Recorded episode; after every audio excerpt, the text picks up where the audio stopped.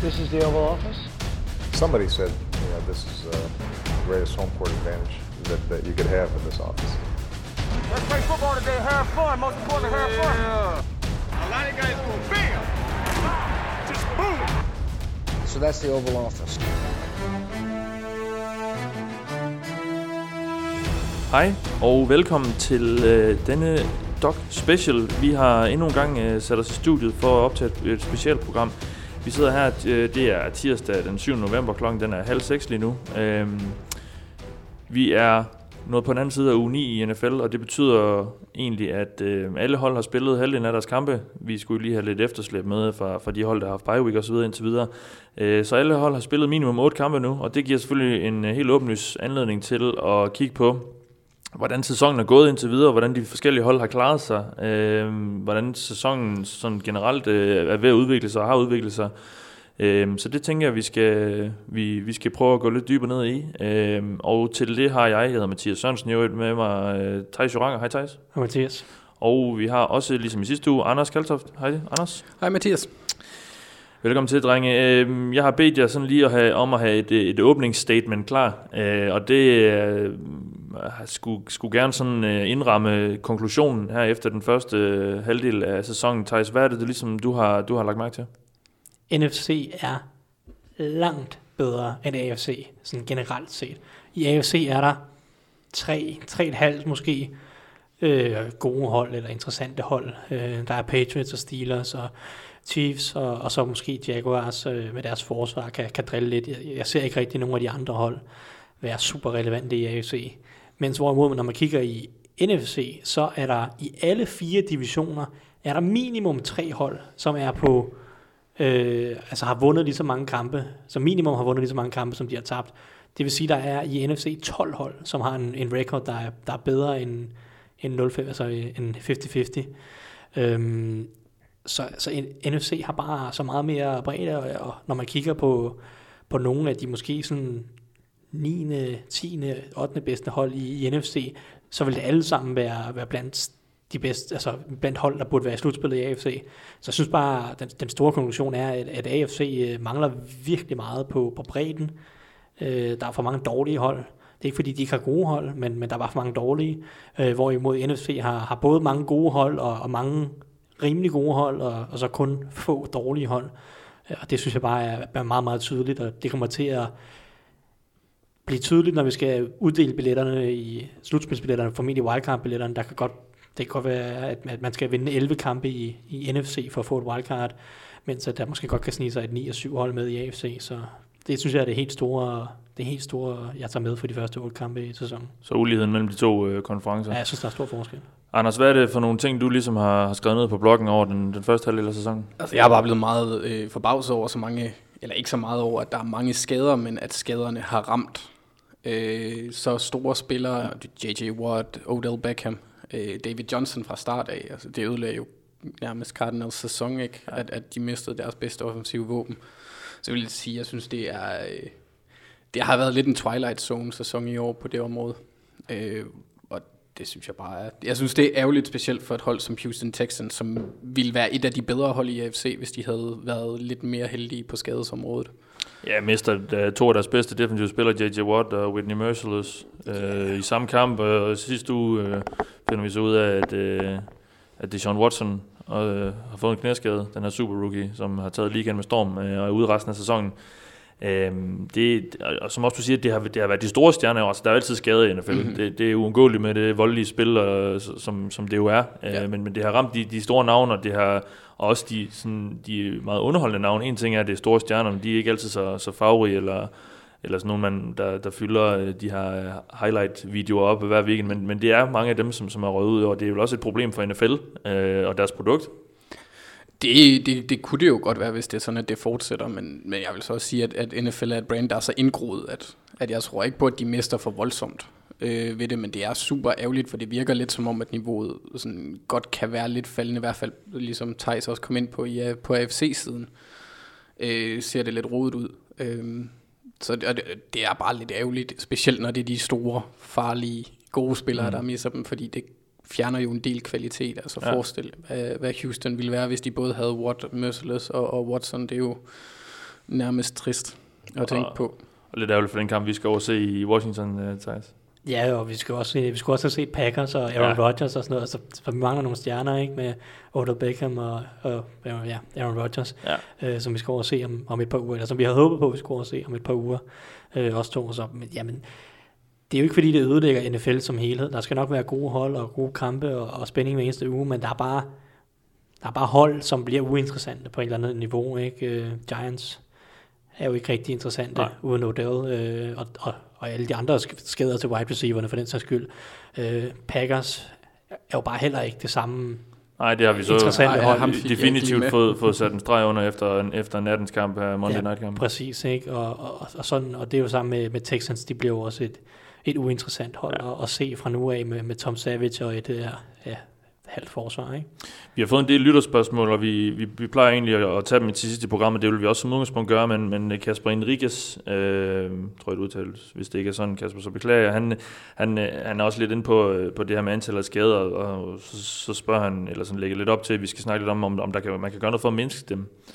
Det synes jeg jo egentlig, NFL har gjort rigtig meget for i forvejen, øh, men alligevel, øh, og det har jeg egentlig også lagt mærke til, det, det er som om, de, de, der er blevet flere af dem, eller i hvert fald så er det måske bare fordi, de netop rammer de, de større stjerner. Altså, kan man gøre noget for, for at undgå skader? Det kan man jo ikke i, i en sport som, som NFL. Altså, jeg synes, i hvert fald, det er svært, fordi når man ser på mange af skaderne, øh, så, så er mange af dem jo enten non-contact, altså Deshaun Watson sker til en træning på, på et simpelt uh, optionspil. Jeg har, jeg har ikke forstået, at der var noget med, enten var det et option toss til en running, running back eller noget andet, men han blev overhovedet ikke Det ramt. var i hvert fald no contact, ja. No contact, ikke? Og, og, og, korsbånd. og det var ikke engang alvorligt, øh, troede de til træning. Det var sådan noget, ah, okay, det gør lidt ondt, jeg humper lige ud på sidelinjen, ikke? Og så efter træning finder man ud af, okay, det korsbånd er, er, er kaput, ikke? Mm. Så, og det samme med, altså Odell Beckham var jo også bare en, en takling, eller en, der falder forkert ned på hans ankel, som så, som så brækker, ikke? Altså, så det er jo svært, øh, mindre man vil fuldstændig øh, ødelægge spillet, ikke? Så, så vil der komme de her skader, og i år har det jo lidt uheldigt i forhold til, til nogle af de store stjerner. Ikke? Men, men der er selvfølgelig også de andre skader. Aaron Rodgers får en skade efter et takling. Ikke, ikke at jeg synes, at nødvendigvis, at det hit var, var specielt øh, dirty på nogen måde, men jeg, jeg ved ikke, om, om NFL kan gøre mere for at kigge på, på nogle af de ting, men, men jeg synes, det er svært. Jeg synes allerede, der bliver gjort meget. Altså, I forhold til, til de her hjernerystelser og sådan noget, der, der, der, der kan godt gøres mere, eller gøre nogle, lave nogle bedre retning, lave, laves nogle bedre retningslinjer, og, og på den måde, men, men i forhold til mange af de her korsbånd og akillessener og ja, brækkede ankler eller brækkede arme og sådan noget, det er jo bare svært, hvis øh, man skal sådan ligesom opretholde Mm. spillet. Ja, det er, det er voldeligt by, by design, han har sagt. Øh, Ja, Lad os kigge lidt på... Øh, lad os gå lidt mere øh, ind i det her. Nu, nu er det sådan lidt uh, jeres, jeres, øh, jeres førstehåndsindtryk, øh, men øh, hvad, øh, Anders, hvad, hvad, hvad, hvad er du ligesom blevet overrasket over her de første... Øh, ja, nu er det så ni runder jo. Øh, altså, er der nogle, ting, nogle generelle ting, som, som du ligesom er overrasket over? Nogle holdspræstationer eller et eller andet? Øh, ja, jeg er meget overrasket over Rams øh, udvikling på den offensive side, hvor at øh, Sean McVays indflydelse har været øh, imponerende. Øh, det har fået Jared Goff fra at gå til at ligne et bust til at ligne en, en, en lidt over middelmodig, måske lidt bedre quarterback mulighed for at blive Ja, en god quarterback. Ja. Og også ind og kigge lidt på hans øh, statistikker fra sidste år kontra i år, hvor han sidste år havde syv starts, og i år har otte, og han har næsten 1000 yards mere. Han completer 6% mere, end han gjorde sidste år, og han kaster langt færre interceptions og langt flere touchdowns. Hvor han sidste år havde øh, fem touchdowns og syv interceptions, har han i år 13 touchdowns og fire INTs, og en QB-rating, der er 34 point højere, end den var sidste år. Så det, det er gennemgående imponerende. Og så er Todd Gurley også vågnet op igen. Han havde lige et år fire sidste år. Øh, og det, jeg synes bare, det er imponerende den måde, som øh, Sean McVay han ligesom har fået drejet skuden om og, og forladt The Curse of Jeff Fisher.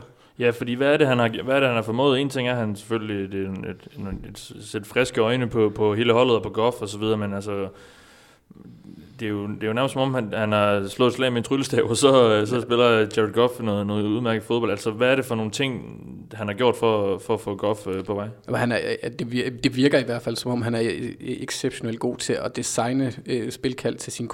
Øh, det gjorde han jo også med Cousins, som også var vældig dygtig under ham. Øh, så jeg, jeg vil tro, og så tror jeg også bare, at han bringer en anden energi. Han er mere intens, kunne jeg forestille mig, end Jeff Fisher, som virker utrolig laid back, og øh, aldrig rigtig har virket, som om han har haft touch med, med på den offensive side. Øh, det har jo altid været hans problemer, og Tyson var også så venlig at dele nogle, nogle fine øh, informationer, blandt andet med, at, øh, at allerede nu har Rams øh, scoret flere point, end de havde sidste år, hele sidste sæson. Øh, væsentligt flere point, ja. faktisk. Øh, ja, og så har de... Øh, de, ligger, de, de ligger først i NFL på point. Det, altså, det, det, jeg synes havde, bare, du sagt det, for... det, havde du sagt det før sæsonen, så havde jeg grint der øh, ud, af, ud af det her rum. Lige præcis, altså det er så forbavsende, og så også at altså, øh, endnu en, en, en crazy stat, som, som Tyson delte med mig, øh, det var også, at, at de har scoret 40 plus point og tre gange i den her sæson. Øh, det gjorde de to gange fra 07 til 16.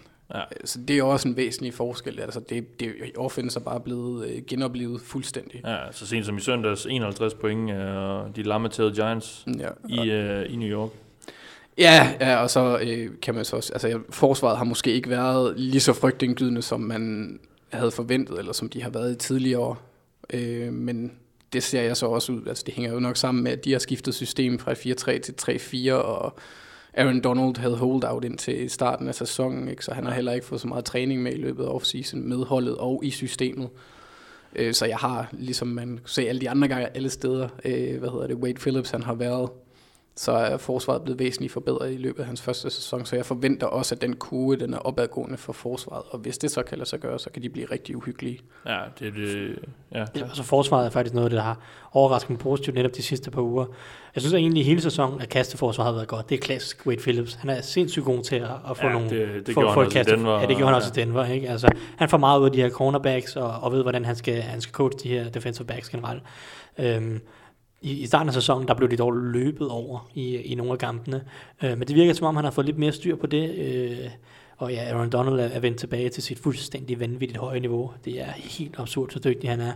Øh, så jeg, jeg synes faktisk, at ja, altså forsvaret går den rigtige vej, både, både mod løbet og mod kastet, men ja, altså Sean McVay har bare gjort så meget. Jeg, jeg læste en historie fra, fra var det, nu skal jeg tænke mig om, var det Conor Barvin, der har været ude og, ude at sige, at Sean McVay, når han... Altså, når han defensive end i... Defensive, Nej, han spiller ja, i... Nå, undskyld, ja, Rams, ja, han har skiftet til Rams. Han har skiftet til Rams, ikke? Uh, han, man var inde, altså, han kom, nogle gange så kom Sean McVay ind i, til de defensive møder, ikke? Han er jo som udgangspunkt en offensiv minded head coach, eller når de var til en af deres holdmøder, så, så kunne Sean McVay, han, kunne, han, kunne, han kan fuldstændig afkode og fortælle og forklare hver eneste lille detalje omkring det defensive spilkald, ikke? Så det er ikke kun offense, han har fuldstændig styr på ned til, til, til helt ud til mindste detalje. Det er også forsvaret, han forstår det helt ned. Det er ikke nødvendigvis normalt. Øh, det er ikke alle head coach, der er helt dybt nede med fingrene, langt nede i playbooken på begge sider af bolden.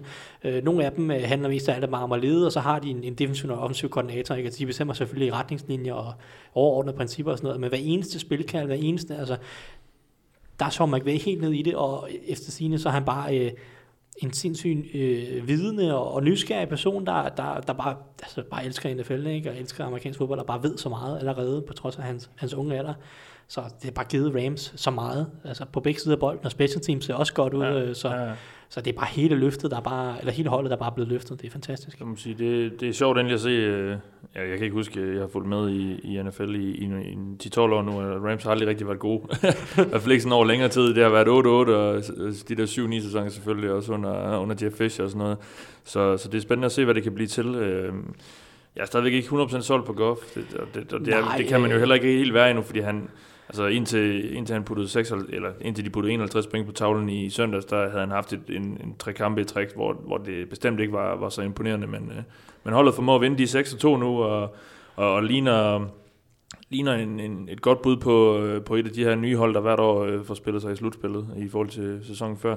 Thijs, hvad er det ellers, du har øh, du er blevet overskåret her i, i den første halvdel af sæsonen? Så først og fremmest, i, nu sagde du det der med, at du heller ikke er helt solgt på godt, for det er jeg sådan set heller ikke. Øh, men, men bare det, at, at han, spiller, han spiller godt mod de dårlige hold indtil videre i år. Ja, der har han spillet nogle rigtig gode kampe, mod, også mod 49ers helt i starten af sæsonen og så videre.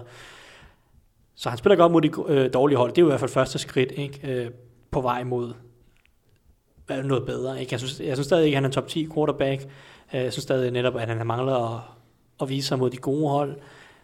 men bare det, at han lige nu virker som en, en brugbar quarterback, der kan måske kan blive endnu bedre i fremtiden, kombineret med det, vi ser fra Carson Wentz i, i Philadelphia, som spiller rigtig godt, eller hvor han spiller rigtig godt, og så Dak Prescott i Dallas, hvor han også spiller rigtig godt. Altså, så nu har vi tre NFC quarterbacks, alle sammen fra draften sidste år.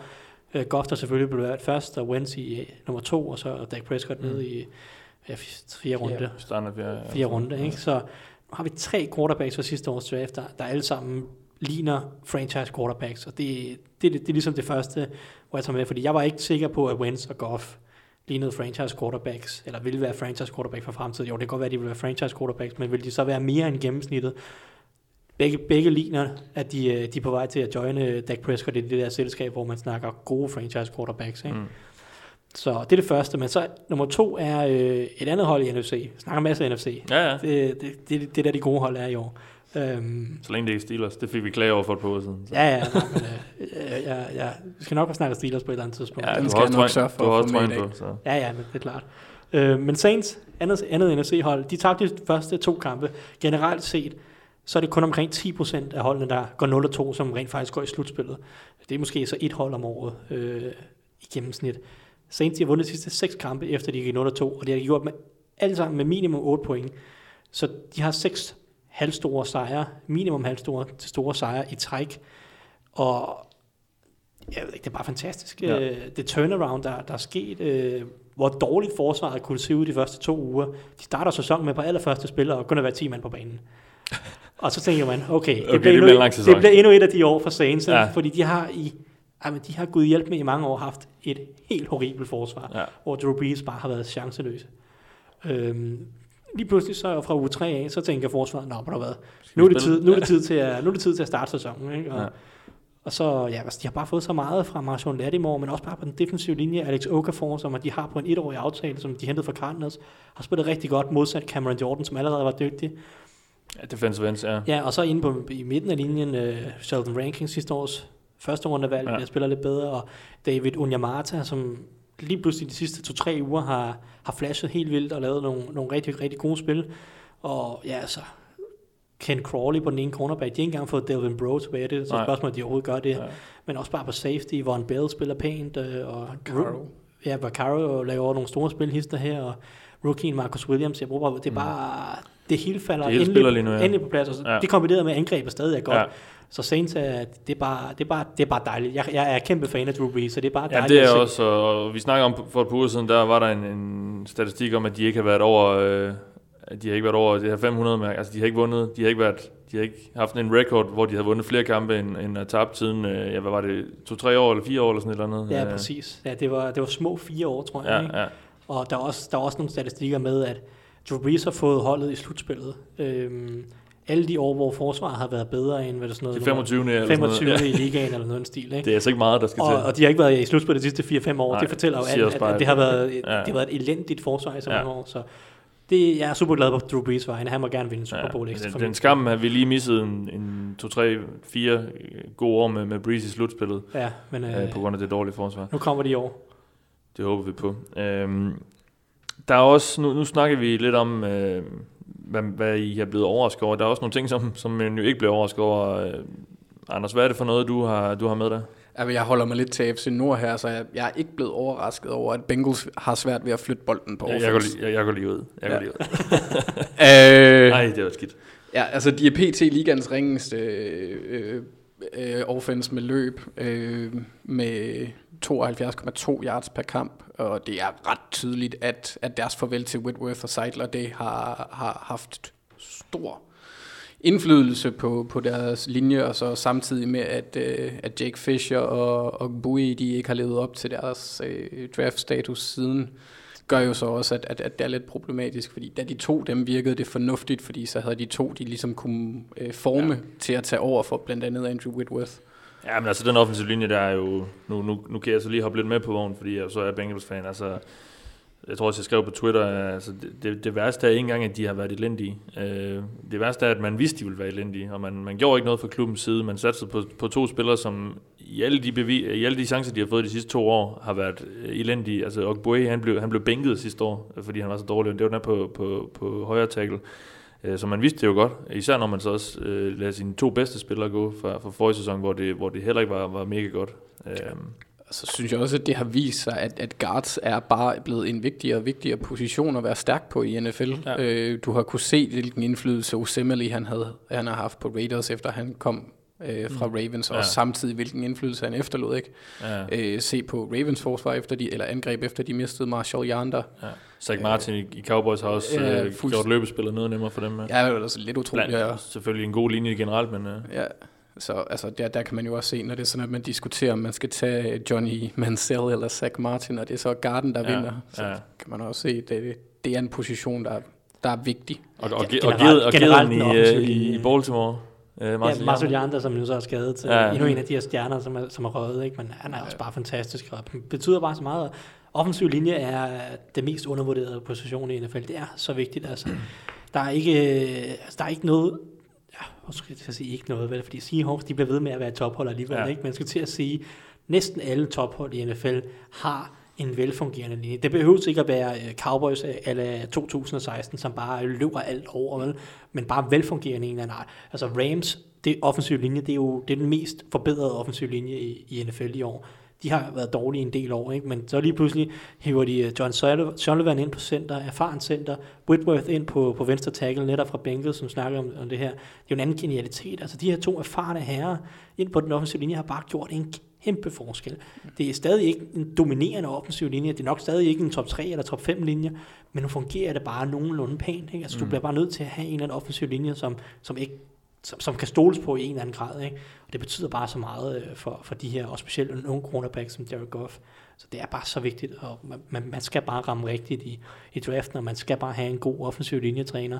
Det betyder bare alverden. Og, og angrebet nåede også et lavpunkt her i ugen øh, mod, øh, mod Jaguars. Altså 35 offensive spil havde de. Ja, det er så også et okay forsvar. Jeg Og jo, bevares, men, Ja, ja, øh, men ja. jeg, altså, jeg, jeg gav op på til tre, tre ud øh, drives, øh, sådan cirka midt i tredje kvartal og sådan noget, der, der kunne jeg simpelthen ikke holde ud mere. Der var AJ Green vel heller ikke på banen længere. Nej, det var han så ikke. Så det hjælper heller ikke, Han er- kan man sige. Det, Altså, han, han virker også som, at han er træt af, træt af holdet på en eller anden måde. Ja, han og virker hans- virkelig, fordi han er jo virkelig også bare i...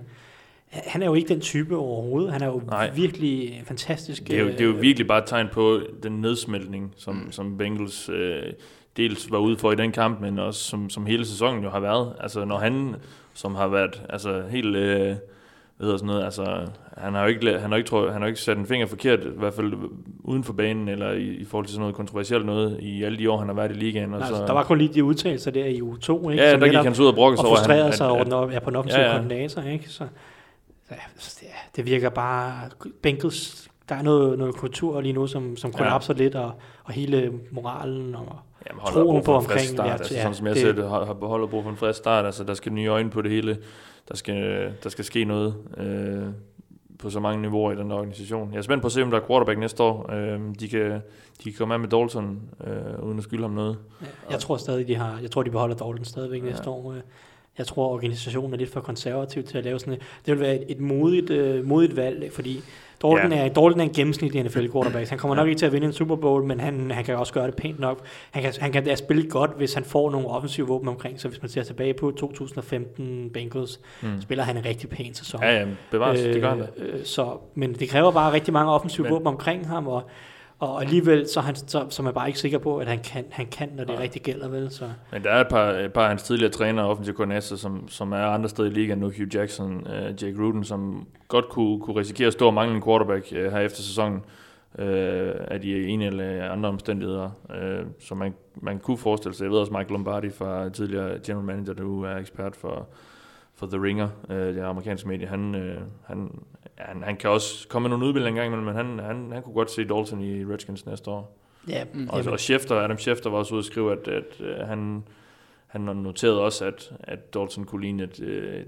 et, et muligt bud på en, på en handel, på en trade. Han, er ikke, han er ikke sikker, vel, øh, det er da klart. Og det kommer nok også meget til at afhænge af, hvor højt et valg øh, Bengals får i draften, ikke? I, Ja. ja. i forhold til, hvor god en position de er for at få en quarterback. Men, men ja, det, det, det er i hvert fald en svær situation, der skal... Nu fik vi kabret din pointe. Ja, men det er jo fint nok. Jeg synes også bare, at vi skal komme ind og, og, og lige røre ved Marvin Lewis' Ja. ja. øh, tenure der, fordi han har været der siden 2003. Ja. Og det er efterhånden ved at være tid til at få nye briller, som du også selv sagde. Så jeg tror også, at det afhænger af, om han er der. Hvis han ikke er der, så tror jeg, der er ret store chancer men, for, men, at der tror jeg men, heller men ejer slash general manager Ja, ja, ja. hvad han Paul Brown, ikke? Øh, han er også Mike. Mike, Mike Brown Ja. ja. meget konservativ, ikke? Absolut, ja. Altså, det er jo selvfølgelig ikke ham. Han sidder jo ikke med det football, men han, men han, er, han, han skriver jo under på de store beslutninger. Ja. Øhm, og øh, det, jeg mener, det er en, der hedder Katie Blackburn. Hun er sådan lidt mere Mhm. hands-on i forhold jeg til... tror faktisk, det er hans datter, hvis jeg ikke skal... Ja, det kan godt være, at hun har så bare har taget det et efternavn, så Ja. hun måske bliver gift. Eller, men, men, øh, men ja, det er en meget konservativ organisation, i hvert fald når det kommer til de helt store. Altså, Ja. de, de er jo ikke bange for at tage en Joe Mixon, de er ikke bange for at tage... Ja, der var også en Chris Henry for mange, mange år siden receiver, som jo så desværre døde og så videre. Altså, Ja, og Pac-Man og perfect, Perfect og, ja, altså, sådan de, så, i forhold til det, men, men de her helt store beslutninger, de er meget, meget konservative, for de har aldrig fyret... De trader næsten aldrig. Ja, ja, og- de har stort set aldrig fyret en træner i midt i sæsonen, og, og lavet de der store skift. Så, så jeg er spændt på at se, fordi det ligner, de er endt et sted nu, hvor altså, der, der kan ikke komme mere ud af det øh, med Marvin Lewis. Nu har de været i slutspillet, øh, hvad var det, fire eller fem år i træk, de var det. Øh, for, Ja, før, før sidste år. før, før sidste sæson, øh, og var one and done hver gang. Øh, under nogle forskellige omstændigheder selvfølgelig. Sidste, sidste chance mod, mod din Steelers, der, der var det uden Eddie Dalton, som netop var, havde gang i en god sæson. Så, så der var de jo selvfølgelig også uheldige, men, men der, tegner sig bare et mønster, og jeg, jeg ser ikke, det, det, det kommer nogen vegne rigtigt. Der, der er brug for en eller anden form for kickstart ja. i, i organisationen. Ja. Thijs, øh, dit, øh, dit, øh, dit punkt under, under den her med, øh, hvad, hvad, hvad der ikke har overrasket dig, hvad, hvad indeholder det? Jamen, øh, det indeholder Oakland Raiders, og, og deres problemer med at leve op til sidste sæson, hvor de går de 12 og 4, øh, Derek Carr blev godt nok skadet til sidst, ikke? men de var flyvende, og de havde nok vundet øh, AFC West og fået andet seed i, i AFC, hvis, hvis Carr han ikke var blevet så skadet. Øhm, men det overrasker mig bare ikke, at, at, at det her hold ikke øh, kan leve op til det. Jeg mener også, at jeg havde dem inden sæsonen til ikke at nå slutspillet. De var 8 og 1 i, øh, i kampe sidste år, der blev afgjort inden for en scoring. Og i NFL er det, der, er det, der er det helt absurd Øh, at, at vinde så mange tætte kampe. Fordi NFL, det, det, det er også et, lidt et, i forhold til et spørgsmål, øh, som jeg har fået fra lytter, ved jeg.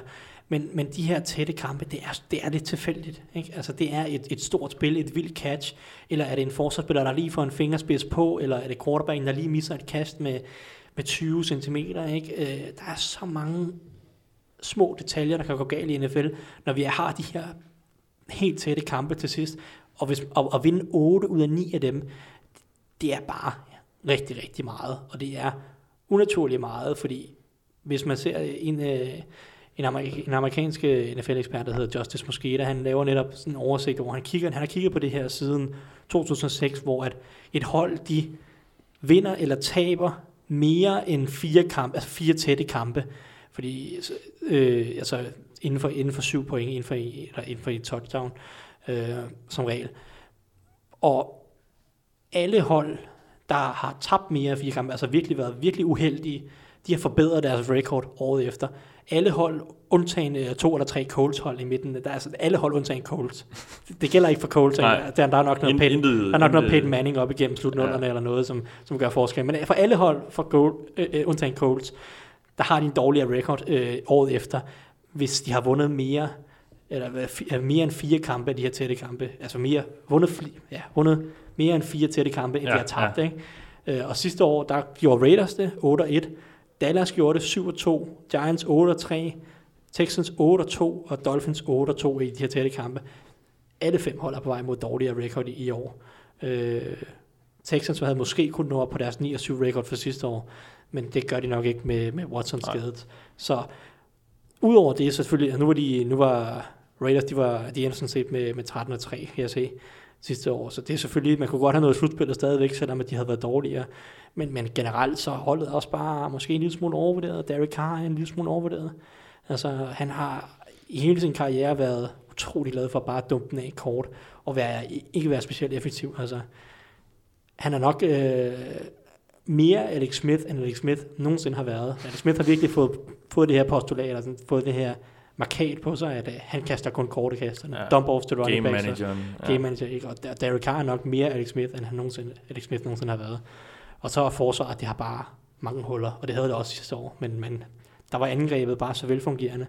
Og tingene omkring Derek Carr fungerer bare ikke så godt, og det synes jeg bare både Carr bliver udstillet, og ja, forsvaret bliver udstillet, når, når det hele ikke fungerer.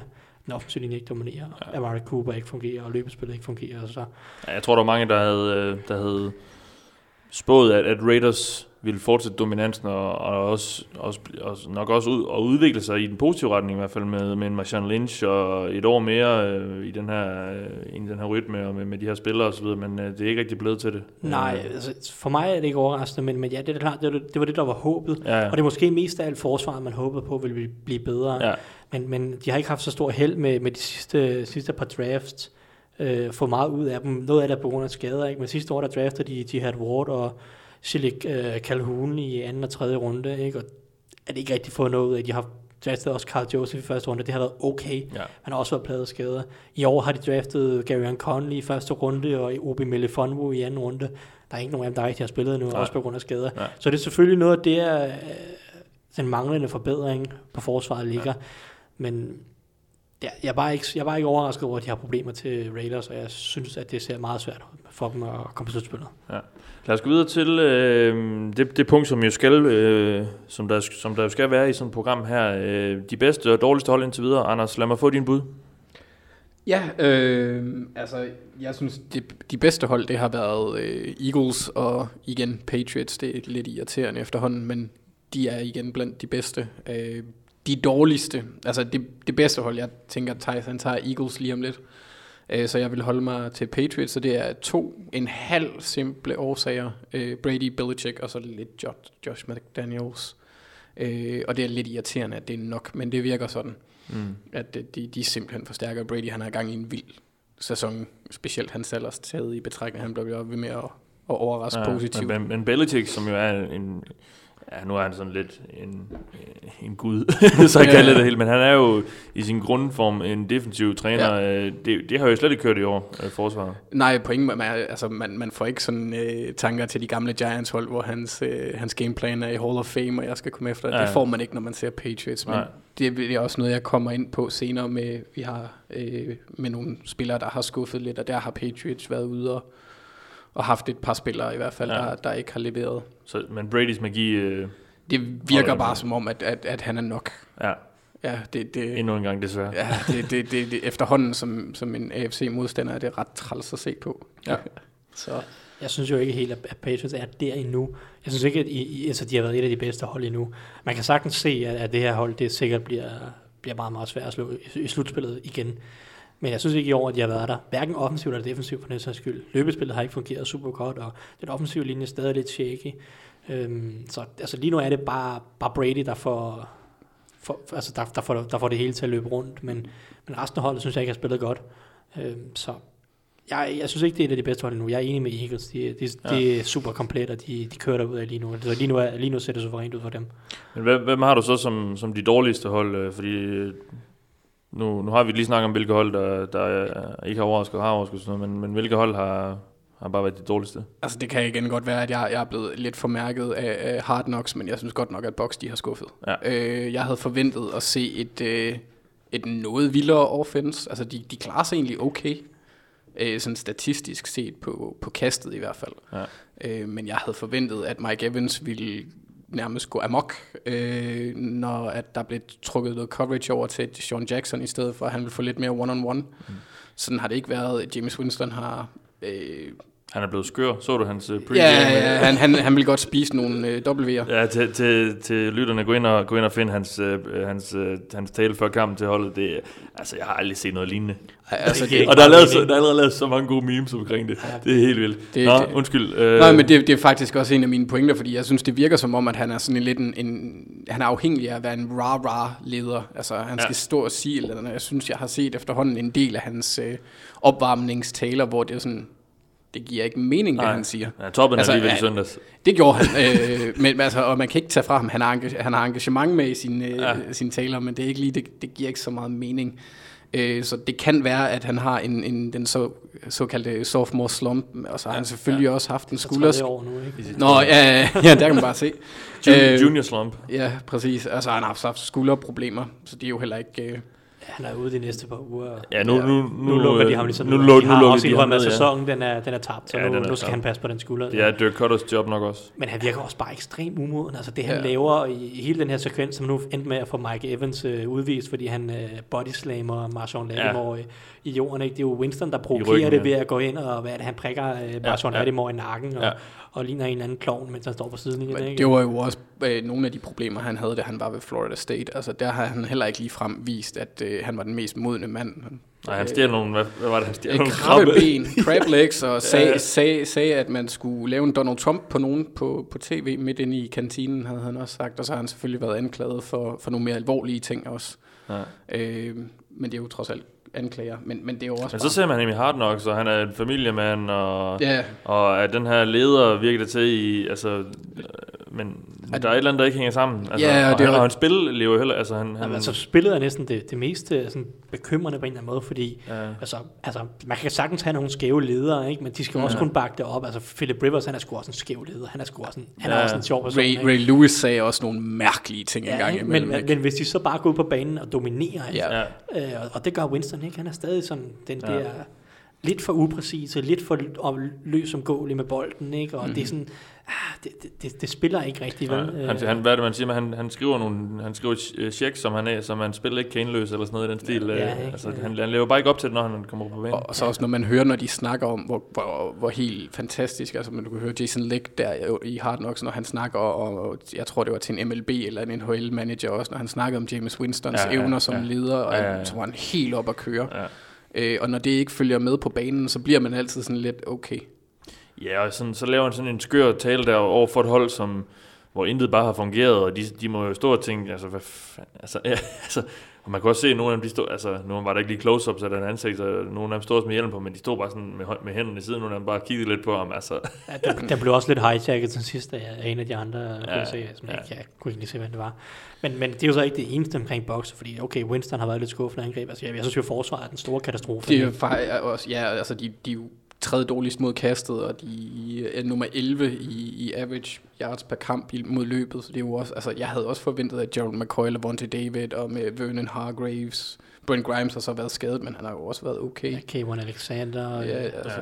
der, der burde være bedre spillere, men jeg, for mig skriger det her også bare langt væk af trænerstaben. Altså, jeg har, Mhm. når jeg ser Absolut. boks i år, ikke, specielt defensiv koordinator Mike Smith, det er så passivt og uinspireret forsvar, og det ser ud som om, at altså, jeg har også øh, hørt uh, Gerald McCoy blive spurgt til, um, hvad, hvad synes du, og hvad synes du om, om forsvaret og, og de spil, der bliver kaldt og sådan noget, og så siger han bare, ja, jamen, jeg gør bare, hvad der bliver bedt om, ikke? ja, Øh, s- s- altså, det er ikke det, man vil høre. det er ikke det, man vil høre. Der er ikke en voldsom opbakning der øh, i, i den udtalelse, vel?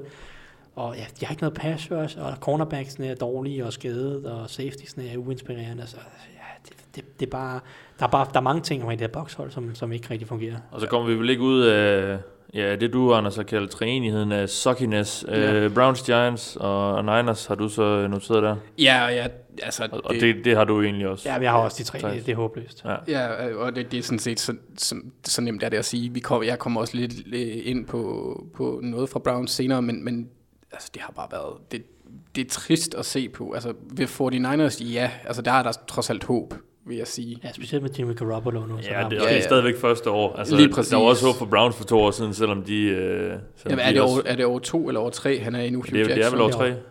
Over to, ikke? To, ikke? Og to. Jeg er ret sikker på, det også. Ja. Så, så, så, så, Åh oh, ja, 2015, ja, det var sidste år øh, i, for ham i, i Bengals, ja. Så det, så det er derfor, altså, så, så regner man med, at man vil se øh, en- en, noget udvikling. Altså, Ja. de, har, de har selvfølgelig, altså, de har nogle spillere på defense, som jeg er ret glad for. De har også David Njoku, som de to i år, som jeg også er ret glad for. Øh, men der er ikke rigtig sådan, det, det hænger ikke sammen, og de mangler en QB værre end nogen anden nærmest. Altså, øh, Deshaun- Kaiser har de ikke, synes jeg, behandlet korrekt.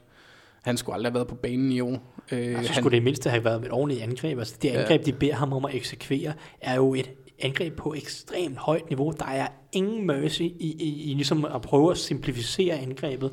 De beder ham om at lave alle mulige reads og kaste den dybt hele tiden og sådan noget. Mm. Jo, han har en stor arm, men du kan, du kan ikke bede en quarterback om bare at Ja. flå den dybt hele tiden. Altså. Altså, specielt ikke en quarterback, hvor hans gamle head coach har været ude og sige, at han nok lige skulle have ventet et år eller to med at hoppe afsted. Ja, Ja, men Selvom altså, det er- Brian Kelly, han, er, han siger mange ting, men Jamen, det har netop været hans problem inden draften lidt, var han, han var lidt tøvende i lommen. Ikke? Han var lidt bange for at trykke på aftrækker nogle gange, og det virkede som om den mentale del gik en lille smule langsomt. Og så smider han ham direkte ind i en NFL og på et, et angreb, hvor receiverne er super dårlige, lad os sige, for det med mm-hmm. også. Og så beder du ham at eksekvere et eller andet avanceret angreb på, på højt niveau, hvor han netop skal læse hele banen hele tiden og holde på bolden lidt. Og, ja, og så piller du ham ud øh, to-tre gange, øh, nærmest så hurtigt, som, det, som ja. du overhovedet kan tillade dig. Det, altså, jeg synes, det for Hugh Jacksons side, der er det en skandal, og altså, ja, det, det, det, burde koste ham jobbet. Ja, han burde kigge lidt mere på, på en yngre udgave der, Sean McVay, hvordan han prøver at tilpasse offenset til, til sin QB styrker, ikke? Øh. Ja, fordi Goff han får en masse hjælp, og han gør ja. ikke det mest avancerede i system i NFL, og, og, og han kører også, ja, altså Rams og Eagles og Texans med, med Watson, de kører rigtig, rigtig mange college-koncepter i, i deres altså misdirection option, quarterback, der kommer ud og bevæge sig. Det gør det bare lidt ja. nemmere for dem, ikke? Mhm. og det var der ikke noget af for Kaiser. Han blev bare smidt ud på det dybe vand. Ikke? Så. Så har vi, øh, der er et hold, vi ikke snakke om nu, som du har noteret under dårligste Broncos. Ja, Broncos har, har givet op i år, virker det til. Det, ja. ja jeg ved det er ikke godt i, uh, i Vance Josephs første år. Nej, øh, der er vi har en Broncos-fan på, på Gul Klud, som, ja, Magnus, som Magnus, ja. Magnus Jølne, som har været ved at sige, at uh, han, er, han, altså, han, er, han, han synes, det allerede nu bør overveje, som Joseph han ja, skal fyres, fordi ja. holdet virker bare til at være faldet fra hinanden, ikke? Og, og jeg synes måske allerede, at problemerne kunne spottes lidt tidligt. Øh, de vandt de første kampe, men, men jeg kan huske Chargers kamp, jeg mener det er U1. Det kan også have været U2, jeg er lidt, jeg er lidt usikker på det, men jeg mener det er U1 øhm, hvor de var foran stort, men i fire kvarter, de virker sindssygt nervøst, og Joseph og hele holdet er nærmest lige ved at kollapse, ikke? Mm. og de ender med at vinde, fordi at, øh, hvad hedder han, øh, Young Ho, øh, Young Ho, Young Ho, Ho, Ho, Ho, Halløjsa en der, cool, ja, ja, kiggeren, øh, brænder i field det, det bliver vist blokeret, ikke? Men, men, men de var lige ved at kollapse, og jeg synes, det virkede sindssygt nervøst fra trænersdamens side. Øh, der var elendig time, altså clock management, og det virker meget som om langsomt, at det bare eskaleret i takt med, at Trevor Simeon er kollapset. Og det virker som om, der er kæmpe stor splid mellem forsvaret og angrebet. Det virker som om, at forsvaret bare har sagt, vi har ikke nogen quarterback. Altså, fordi det er et godt forsvar øh, som udgangspunkt, men de gider ikke mere. Jeg synes, det virker som om, at de gider ikke mere. Jeg, jeg læste også en artikel i går, øh, om der, der, der var, øh, der hed øh, 51 grunde til at fyre Vance Joseph. Det, øh, det er ret hurtigt. Var det Magnus, der skrev? øh, det, var, det, var, det var spændende læsning, men det, det virkede, at det var fra en øh, Broncos Nation, et eller andet lignende noget.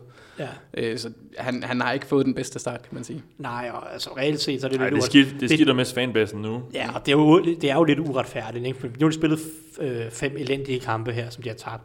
Øh, og ja, øh, det, det hele ser skidt ud, ikke? men det er altså også uden en quarterback. Det kunne man godt have fortalt øh, mm-hmm. dem inden sæsonen. Det er en offensiv linje, der, der sejler mere og mere. Den, den ser ikke god ud. Vel? Den er blevet lidt forbedret i forhold til sidste år, men det ser stadig ikke godt ud. Øhm, ja, Emmanuel Sanders har været skadet, ikke? og så forsvaret der. Det virker som om, de har givet op. De, tab, de har tabt modet. Ikke? Kunne man jo se Giants-kampen. Altså uden Odell Beckham burde Giants jo ikke kunne sætte point på, på Broncos. Præcis, præcis ikke? Så ja, det, det er nu, han skal vise sig. Han skal stadig have chancen, synes jeg, resten af sæsonen. Fordi hvis han nu er en god leder, så formår han at få lidt gejst ind i det her, samle holdet en lille smule, og så vinder de måske på kampe, og så ser de kompetent ud resten af året. Så er det måske fair nok at give ham en chance mere, hvis man ellers vælger at give ham en quarterback. Mm. Men selvfølgelig, hvis, hvis den her kurs fortsætter fra de sidste par kampe som total opløsning, øh, så er det nok svært at beholde jobbet, hvis han allerede nu har tabt omklædningsrummet. Ja, det var det, han blev ansat på, fordi som defensive koordinator i Dolphins havde han jo ikke et top 5 forsvar, og som, øh, hvad var han, defensive back coach i, i Cincinnati, Cincinnati før det. Ja. Øh, altså, jo, de, de har spillet solidt i nogle år, men, altså... Men det er meget sjældent, at man bliver, ansat, man bliver hyret som cheftræner, kommende direkte fra defensive back træner eller coaching, og det var jo egentlig det, Broncos, de ja. overvejede ham jo meget, da de så ansatte Gary Kubiak. Ja. Øhm, så allerede tilbage i nogle år. Ja. 2015 ja. må, må det have været, ikke? Ja. Uh, så jeg kunne ikke han endte med kun med at få en sæson. Ja. Der overvejede de Vance Joseph, selvom han ikke havde været defensiv koordinator endnu, fordi de følte, at han var så god en leder. Mm. Og, og lige nu, der, der sejler det, og det er jo ikke ja, Kubiak var der vel også sidste år? I 16? Ja, det var han Så han var der to år? Ja, men tilbage men ja, før, før ja. det. Så ja, han har ikke vist de her lederegenskaber. Som Ej, det virker han, som om, han er kommet, han er kommet ind på den der chef, han er på lidt for, for hurtigt måske. Jeg ved godt, han har været i ligaen nogle år, men, men ja. det, på to år har han taget nogle rimelig store skridt. Så det er nok også et svært omklædningsrum, fordi der er så mange store profiler på forsvaret, ja. og der er så lidt på angrebet, så, så det har nok krævet en rigtig god leder at holde, opretholde en eller anden form for kemi mellem angrebet og forsvaret, fordi at det netop er forsvaret, der skal bære dem så tungt, som det er. Ja, Og så synes jeg heller ikke, at John Elway han skal gå fri af kritik, fordi altså, ja, han har, været, han har samlet et Super Bowl-hold, men han har ikke haft stor succes med hans draft picks, øh, siden han kom på nærmest. Altså, Nej, tror- og, og quarterback-situationen efter Peyton Manning. Ja, det er jo vanvittigt, Ja, ja, ja, at de og- signer Brock Osweiler, Ja. de ved, hvad han, hvad han kan. De har set de andre, andre hold. Det godt være, han... Han skal, han skal så have point for ikke at give ham en kæmpe kontrakt før sidste sæson. Men det var, det var de også prøvede nemt, fordi jo havde Cleveland allerede, havde allerede betalt for ham jo. Så. Nå nej, men altså... Nå, før- før sidste Nå, sæson. ja, ja, det er rigtigt. Det, Ja, det, ja, det, men det er der, de prøvede jo netop at give ham en stor kontrakt. Ja, ja. Texans gav bare en lidt større kontrakt, ikke? Ja, uden at se ham endda. Det synes Uden, jeg er lidt ja, ja, Ja, det er jo så, så- og så draften af er Paxton. Paxton Ja. Lynch i første runde, han kommer nok på banen, og han er helt skadesfri om et Ja. par uger. Mm. Men ja, hele quarterback-situationen håndteret ja, efter Peyton Manning er, ja, det er råd, ikke? Ja, også, ja. Lad os, øh, lad os gå videre. Nu snakker vi om, hvilke hold, der har... Må jeg lige snakke øh, ja. ja. mit bedste hold? Øh, Nå så ja, undskyld. Ja, du har ikke... Øh, Jeg har ikke ja. nævnt min nummer to, øh, Ja. for nu var vi begge to enige om Eagles, og han Ja. tog så Patriots, eller Anders gjorde. Så, så jeg vil bare, jeg vil lige, nu har jeg allerede snakket om Saints, så nu skal jeg nok være med at snakke alt for meget om, men jeg synes bare, at Saints lige er nu, lige nu et af de bedste hold i NFL. Ja. Og de har en, en quarterback, som jeg tror på, eller har erfaringen til, at når de kommer ind i slutspillet, så tror jeg på, at, at de kan fortsætte.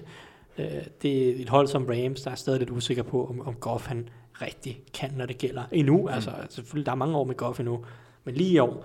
Og, og der føler jeg bare, at Saints, hvis det her forsvar ellers øh, fortsætter at undgå skader, så er det bare så stærkt med, med det her angreb af Drew Brees. Øh, Alvin Kamara, der bliver bedre og bedre, øh, en, og en fremragende duo, altså, som han nu danner med Mark Ingram, og en god offensiv linje, og ja, god receiver. Så jeg vil bare lige nævne Saints. Ja, det, øh, har du så fået lov til. Nu snakker vi om, øh, hvilke hold, der har overrasket osv. Øh, hvilke spillere øh, har overrasket? Nu, øh, nu er der jo en, en del at tage så lad os ikke gå alt for meget i dybden øh, med dem alle sammen. Men øh, Anders, hvad er det for nogle øh, spillere, der både har overrasket dig, ja, ja, sådan set både positivt og negativt i den her sæson indtil videre? Altså, jeg er dybt imponeret over Calais Campbell. Øh, at, og så specielt, at han allerede halvvejs ind i hans første sæson hos Jaguars øh, har to seks mere, end han, han nogensinde nåede i en fuld sæson hos Cardinals. Øh, at, at han har sit, øh, sit, sit bedste år i, hvad, han blev draftet i 2008. Så Ja. øh, det synes jeg er ret imponerende, at han har det på nuværende Han tidspunkt. er 31 nu, tror jeg. Ja. Så, så altså, han har selvfølgelig noget mere øh, hjælp øh, hos Jaguars, eller de, de overall er bedre selvfølgelig. De Cardinals havde også nogle gode spillere, og har nogle gode spillere, men jeg er simpelthen bare, jeg, jeg er imponeret over, at han er, mm. han har været så vild, og så selvfølgelig også Marshawn Lattimore, det er vi kommet ind på. Han, han er simpelthen en af, det, jeg synes det er imponerende, at en rookie kan gå ind og være en af de absolut bedste på sin position i år 1. Det, Ja, cornerback i Saints, ja. Ja, ja. det- Øh, og et øh, højt, et højt første rundevalg med, med høje forventninger, men som han også i den grad har... Jamen, han faldt jo endda Ja, ja, lidt det i forhold han. til, hvad man Ja, ja, det var kunne have det, forventet. Eller ja. ja. snakker om, at han ville gå måske til, til Titans øh, med valg nummer 5, Mm. og hvad Saints de får ham med, var det valg nummer 12, 12, 13 12, stykker, ja, ja, ja. ja. noget stil, ikke? I, Så en, en, en cornerback, der har overrasket positivt, Mm. men også en cornerback, der har overrasket negativt. Ja, det var det, vi, vi kom ind på, eller jeg kom ind på tidligere med Stefan Gilmore signingen af ham har, har ikke været god for Patriots. Man havde forventet, at med de penge, de har givet til ham, at, øh, at, han, at han ville gå ind og, og i hvert fald spille godt. Ikke nødvendigvis dominerende, det kan man jo godt, men man forventer lidt et stjernespil, øh, eller stjernespil, når man betaler så mange penge, og det er jo så, kan man sige, for Patriots lidt ærgerligt, fordi de har ikke ret mange stjerner Nej. øh, på det forsvar, og det sejler. Øh, så det er selvfølgelig synd for dem. Øh, nu har jeg ikke super meget ondt af dem, men han har, han har ikke levet op til det. Nej. Og, og så synes jeg også, som tidligere nævnt, at Deshaun Jackson har simpelthen ikke haft den effekt, øh, som jeg havde forventet, at han ville have på, på Box O. Så det, det, det har jeg været lidt, øh, det har jeg været lidt skuffet over. Ja. Jeg er ikke engang sikker på, at det er så meget det er Sean Jackson i sig- altså i sig selv. Jeg synes egentlig, at han har gjort det okay. Men, men, men, men det er rigtigt, at det, det har ikke haft den effekt, man havde håbet på. Så, Nej, nej. så situationen omkring Lige præcis. Jackson har, har været skuffende, ja, det kan godt ret i. hans statistikker er jo sådan nogenlunde okay i forhold til, hvad han plejer at lave. Han har jo haft enkelte sæsoner, hvor han har været god, men det er jo ikke, fordi han er decideret dårlig. Jeg er bare skuffet over, netop som du siger, den manglende impact på, på resten af spillet også. Og så er der noget med en uh, general manager i Browns. Ja, ja, det lige ja, forklare mig. Ja, ej, men det er simpelthen også, fordi jeg, jeg er så skuffet over, øh, over, over, over Browns bare generelt. Altså, jeg synes, det virker tosset, når man har været ude og høre, hvad Sashi Brown han sagde bagefter, øh, at traden den faldt sammen med, med AJ ja. McCarron, og øh, ja, han, han, det, det virker lidt som om, at de spiller mod hinanden, øh, at der er Ja, en, lidt en, ja, ja. en intern magtkamp, og det virker så heldigvis for, for Hugh Jackson, ifølge hvad jeg har kunne læse mig til, at, at øh, at øh, Jimmy Haslam han er på hans side, øh, så han har ejerens støtte. Øh, men det jeg, s- jeg synes, det var, det, det var et, et friskt øh, forsøg på at, at få lidt mere nytænkning ind i NFL, men jeg synes ikke, det virker til, at Analytics har haft den impact, som, eller haft den effekt, som de havde håbet på. Jeg tror heller ikke, det er lige så overførbart i NFL, som det er i Major League Baseball. Nej, de kører det her uh, Moneyball, og en ting er, at man siger, at de prøver at efterligne, men de har faktisk Paul Di Podesta med, som, er med til at, som var med til at udvikle det sammen med, med, med Billy Bean i, uh, i Oakland Mm. Athletics, den her baseballklub. Uh, han har spillet Jonah Hill i, i filmen, i øvrigt, ganske udmærket film. Øh, han er jo med i, i Browns nu, øh, sidder sammen med, med, med Sashi Brown der og, og, og tager de store beslutninger. Øh, men til synligheden nej, ikke altid sammen med hverken Hugh Jackson eller, eller ejer Jimmy Haslam. Nej, og så synes jeg også, at, at, at fejlen ligger... Altså, jeg kan egentlig godt se, hvor at deres øh, plan, hvordan den skulle udfolde sig, fordi de laver jo det samme move, som, som Jimmy Johnson han gjorde, da han fik to år i Dallas. Altså, de, de trader deres bedste asset, og så får de en, helvede, en, en masse picks. Mm. Øh, men som Jimmy han også sagde, så det handler det jo om at, at vælge de rigtige spillere med de ja, picks, ja, ja. Og, det, og det virker ikke, altså jo, de har en Joe Koo, og de har Joe Thomas, han er godt nok gammel, de har Kevin Seidler, som også var en god signing, men jeg synes ikke rigtigt, at der, der er ikke håb for holdet. Der er håb for enkeltspillere her. Jeg kan godt lide Jabril ja. Peppers, jeg kan godt lide Miles Garrett, men som hold, der synes jeg ikke, at de, deres udvikling har været...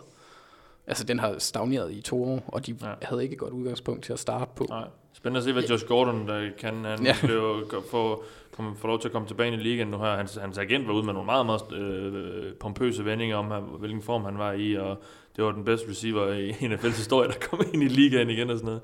Jo, i den ganske gode artikel om øh, Josh Gordon i, i GQ, øh, amerikansk magasin, øh, hvor han fortæller om, at han stort set var påvirket i samtlige kampe, han har spillet i hans NFL-karriere. Øh, så ja, Thijs, du må kære. Jeg vil gerne, øh, jeg vil gerne have lov til at lægge mig over den anden grøft, faktisk. Øh, med hensyn til Sergio Brown versus Hugh Jackson.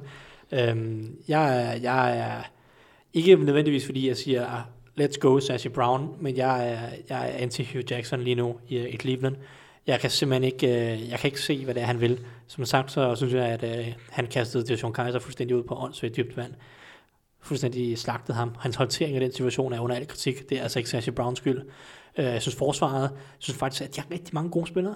Jeg synes faktisk, at det her forsvar burde være rigtig godt. Øh, det kan stoppe løbet, men der bliver ved med at være de her defensive breakdowns nede i, i, i opdækningen. Og det er ikke fordi, de ikke har gode spillere på, på cornerback. Det er også en af de spillere, som jeg faktisk fremhæver, øh, som jeg synes overrasker allermest, øh, og rigtig positivt overrasket over, det er ham, der hedder Brian Body Calhoun. Fremragende navn ud af det. Men de har også Jason McCourty, som de signede inden sæsonen, har spillet rigtig, rigtig godt, de to. Ja, Øh, og de har stoppet løbet rigtig godt. Den defensive linje er super god mod løbet, specielt Emmanuel Ogbar. Men det fungerer bare ikke forsvaret stadigvæk. Og det, det peger altså mod Greg Williams. Det er en klassisk Greg Williams. De her, et, de kan ikke finde ud af at takle linebackerne og safeties. Det, er- sådan var det også i Rams sidste år.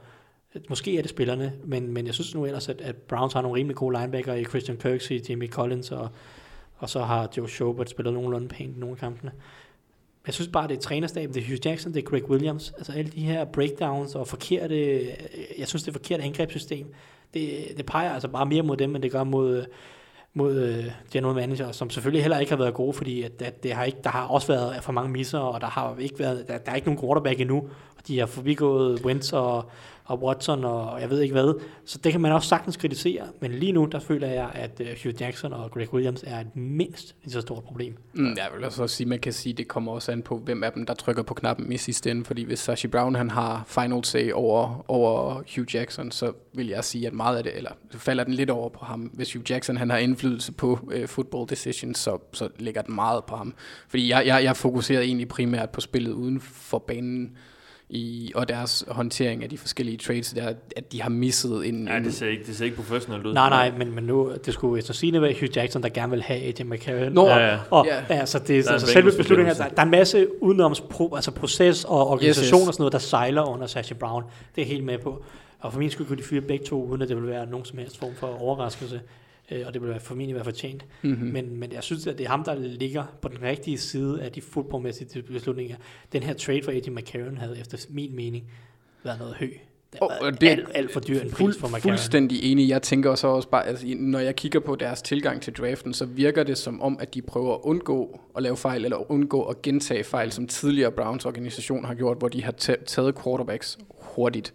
Så de har jo allerede brugt to første runde picks på quarterbacks i, i, i den, det her årti, ikke? Øhm, så det virker som om, at, at de prøver at undgå at lave fejl, i stedet for at prøve at undgå at vinde, og det er sådan set egentlig min basis for at være lidt, øh, lidt muggen Ja, på det er nok. Altså, front office skal overhovedet ikke gå uden kritik, og Mm-mm. de skal tage en quarterback i år Ja. i første runde. De har to valg i top 10 formentlig.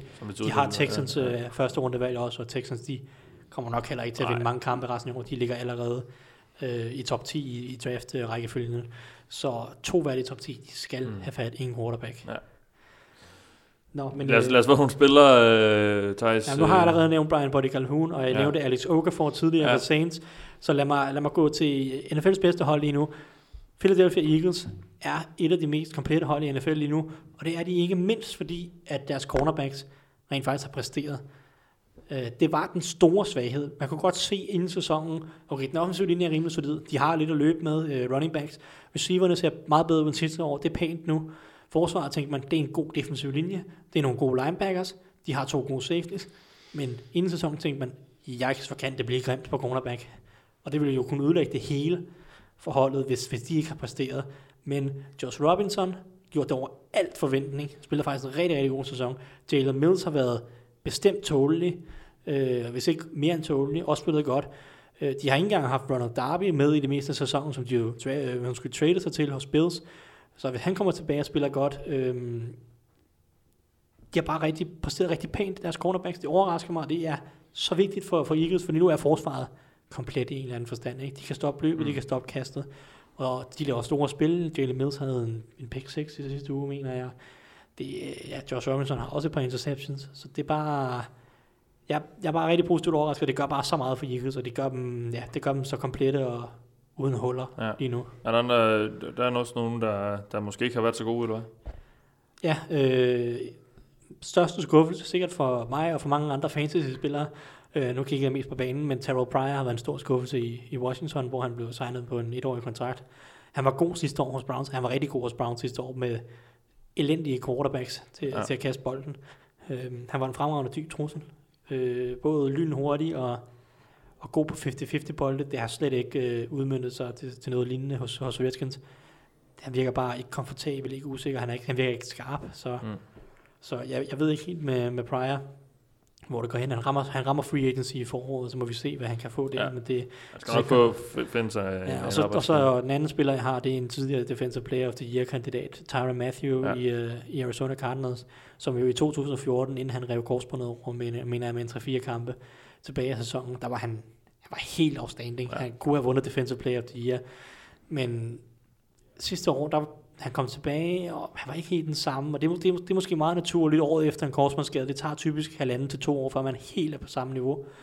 Øhm, men jeg synes bare i år, der er heller ikke noget. Han bliver brændt rigtig meget i opdækning, og slet ikke det samme spil. Han var så eksplosiv og aggressiv og hurtig og fysisk og hårdt rammende, øh, da han var på sit bedste. Så jeg savner stadig Tyron Matthew. Han finder, finder det niveau, han var på for et par år siden. Han er stadig kun 25, og han er, han er, han er, skulle jeg sige, han er stok i Cardinals de næste år, fordi han fik en kæmpe kontrakt, som, som Cardinals ikke kan komme ud af før nærmest efter 2019-sæsonen. Så han skal nok få, få masser af chancer og spilletid, men jeg håber bare, at han vender tilbage, fordi nej, hvor var han en fed Ja, spiller, da han, da Han er var på toppen, ikke? fantastisk spiller. Ja, Ballhawk og bare over det hele øh, playmaker. Ja. Fuldstændig. Men øh, ikke i år. Lad os kigge lidt på, øh, fordi øh, nu, har, nu er der spillet øh, en halv sæson, men øh, de fleste har jo, både hold og også fans har måske glemt, hvordan det gik i starten. Altså, men hvilke hold er det lige nu, der er op og ned? Øh, Anders, øh, er der nogle hold, som måske øh, er bedre end deres record er lige nu, fordi de er oppe, eller altså, hvilke hold er, er, går i den ene eller den anden retning lige nu? Nå, jeg vil ikke sige, at de er bedre end deres record. Det kan godt være, men jeg er meget, meget igen dybt imponeret over, over Jacksonville Jaguars. Hvis man lige ser bort fra Blake Bortles, så synes jeg, at de har et, et, et overraskende godt hold. Altså, og de har været uden deres startende right receiver i hele, eller deres bedste wide receiver i hele sæsonen næsten. Jeg tror, han fik en enkelt kamp med 17 yards til følge. Allen Robinson. Lige præcis. Øhm, så og, altså deres udvikling fra sidste år så til nu, øh, det er simpelthen imponerende på, for, på forsvar. øh, Eller, ja, altså sidste år var de øh, nummer 22 i, i løbet, hvis jeg husker ret, og i, i år er de nummer 1 øh, på offense, altså med at løbe bolden. En- en- Men jeg er ikke helt, jeg er ikke helt sikker på, at det er den korrekte erindring. Men de har i hvert fald gjort det godt. Øh, og så har jeg også lidt fidus til Steelers, fordi deres problem i mine øjne er, at Big Ben han ikke er så sammen. Ja, det lyder godt. smil på. Ah, men han bliver gladere senere. Fortæl, fortæl.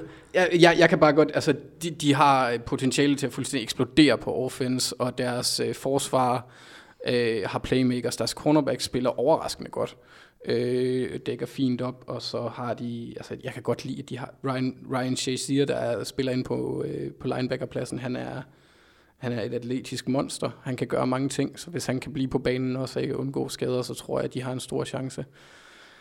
Ja, og så hvis Big Ben han, han, han finder sig selv igen, øh, for det er jo ikke fordi, at det, de ting, han mangler i år, er på grund af tabt øh, armstyrke. Det virker bare som om, han ikke er lige så meget i det, som han tidligere har været. Det virker som om, han har fået lidt ud på, no, på nogle tidspunkter, som om han ikke er fuldt koncentreret, som han Ja. plejer at være. Ja. Så. Thijs, hvilke hold øh, er, er enten opadgående eller nedadgående lige nu? Jax er interessant, fordi det var også en af de overvejelser, jeg havde, for jeg sad og kiggede på Jaguars og Titans i den division. Begge to har rigtig lette programmer tilbage. Øh, kampe mod 49ers og Cardinals og Browns begge to. Øh, så jeg tror, at et, altså de, både Titans og Jaguars skulle sagtens nå 10 sejre, og det tror jeg nok til et wildcard, i, altså minimum wildcard i, i, i AFC i år. Så, så, så det er rigtig interessant. Men jeg har, jeg har kigget lidt på et, jeg synes, Dallas Cowboys går den rigtige retning. Nu er der selvfølgelig den her Ezekiel Elliott karantæne som lurer, men jeg synes stadig, at det går den rigtige retning. Dak Prescott spiller bedre og bedre. Jeg synes, han er faktisk rigtig, rigtig dygtig i år. Og den offensive linje ser ud til at finde, hende, øh, at finde sidste års niveau mere og mere. Og ikke mindst så forsvaret langsomt gående mod bedring. Den defensive linje har været god hele året med DeMarcus Lawrence og David Irving, som så kommer tilbage. Men den unge defensive backfield med secondary ser bedre og bedre ud. Nogle af de her Xavier Woods og Jordan Lewis og sådan nogle, de spiller det bedre og bedre, og jeg synes, det virker som om, at med Sean Lee tilbage, han var skadet lidt tidligere i sæsonen, så det her forsvar går den rigtige vej. Ja. Og med Dak Prescott, jeg tror godt, at Dak Prescott han kan bære det her angreb, øh, selvom Elliott er skadet. Det, det er jo det helt store spørgsmål for dem. Men jeg tror godt, at jeg, jeg kan godt lide Cowboys, hvordan det, og hvordan, hvilken retning det går i nu. Og så vil jeg påpege Lions, som snakker om lette programmer til Titans og Jaguars. Lions har også et latterligt let program. De sidste øh, ja, fem, syv kampe må de have tilbage. Otte kampe må de have tilbage. De er 4-4. Otte kampe. Altså, den sværeste kamp er på hjemmebanen mod Vikings formentlig. Resten er, altså, og så næst sværeste er måske Bengals eller et kampe mod Chicago Bears. Altså det er Browns, og det er, det er Packers uden Rodgers, og det Bengals er... bliver ikke noget problem. Bengals bliver ikke noget problem, siger Bengals-fanen. Så altså, der kan man bare se, altså, altså, hvis man kigger på det, så er det vel ikke, det vel ikke overraskende, hvis Lions vinder de resterende otte kampe. De er favoritter i, i nok alle kampene. Så de, de kunne meget vel øh, presse sig ind i slutspillet, selvom jeg egentlig ikke synes, at Lions er noget helt en fantastisk hold, men, men Matthew Stafford ser ud til at have fundet formen og spillet godt de sidste to kampe. Så hvis, hvis han spiller godt resten af sæsonen, så har de et let program. Øhm, ja. Ja. Der skal uddeles nogle awards. Øh, ikke lige nu, men efter sæsonen øh, og dagen før Super Bowl er det jo så til det her NFL Honors Show. Øh, men øh, nu har jeg jo så bedt jer om at, at komme med nogle bud på det. Sidste gang stod der, øh, der stod Rodgers ud for, øh, nogle, øh, nogle, ud for jeres MVP-forslag, dig og Sebastian, der var med der. Det øh, går ikke ud for, at der gør mere. Øh, Thijs, hvem har du øh, til at tage den helt store øh, gevinst? Packers-fans mener sikkert stadig, det er Rodgers, fordi nu kan man bare se, hvor Ja, nu kan man dårligt se, det er. ja ja. Det er, det er den klassiske hver eneste år. Det var, det var det samme, jeg kan huske, dengang Peyton Manning var skadet i Coles, og de Ja, ja. gik øh, 1 og 15. Der, der, der, ville de også, der skulle han også have den. Man får den hver eneste år, ikke? Hmm. Mm. Øhm, nej, det, det kan ikke være Rodgers nu selvfølgelig, så jeg kigger mod Tom Brady. Som jeg nævnte tidligere, forsvaret spiller ikke, har ikke spillet super godt. Øhm, det har været bedre de sidste par kampe, men over, hele, altså over de første otte kampe har, har de ikke spillet super godt. Øh, de løber ikke bolden ret godt, den offensive linje er mere tvivlsom. Brady han bærer det her hold så meget lige nu. Øhm, der er mange, der synes, at Carson Wentz skal være MVP, og jeg vil godt have lov ja. til at øh, være, jeg vil ikke sige voldsomt uenig, men jeg vil godt have lov til at sige, være ret uenig. Jeg synes, og, okay, jeg vil, okay, lad mig få det her på rene. Jeg synes, han spiller rigtig godt. Ja. Jeg synes, han spiller rigtig godt. Hans, hans udvikling i forhold til sidste år er rigtig, rigtig, rigtig imponerende. Jeg synes ikke, han er en top 5 quarterback endnu. Jeg synes ikke, han har været en top 5 quarterback i år. Jeg synes, der er en ekstrem recency bias på, at han lige nu er MVP-kandidat, fordi han har kørt Broncos, som ikke er fuldstændig demotiveret over. øh, og før det 49ers. Hvis man kigger på de første fire uger, der var han ikke specielt god. Han kunne have, han kunne have kastet 10 interceptions i de første fire kampe, hvis øh, specielt øh, Redskins og Chiefs øh, defensive backs havde haft hænder.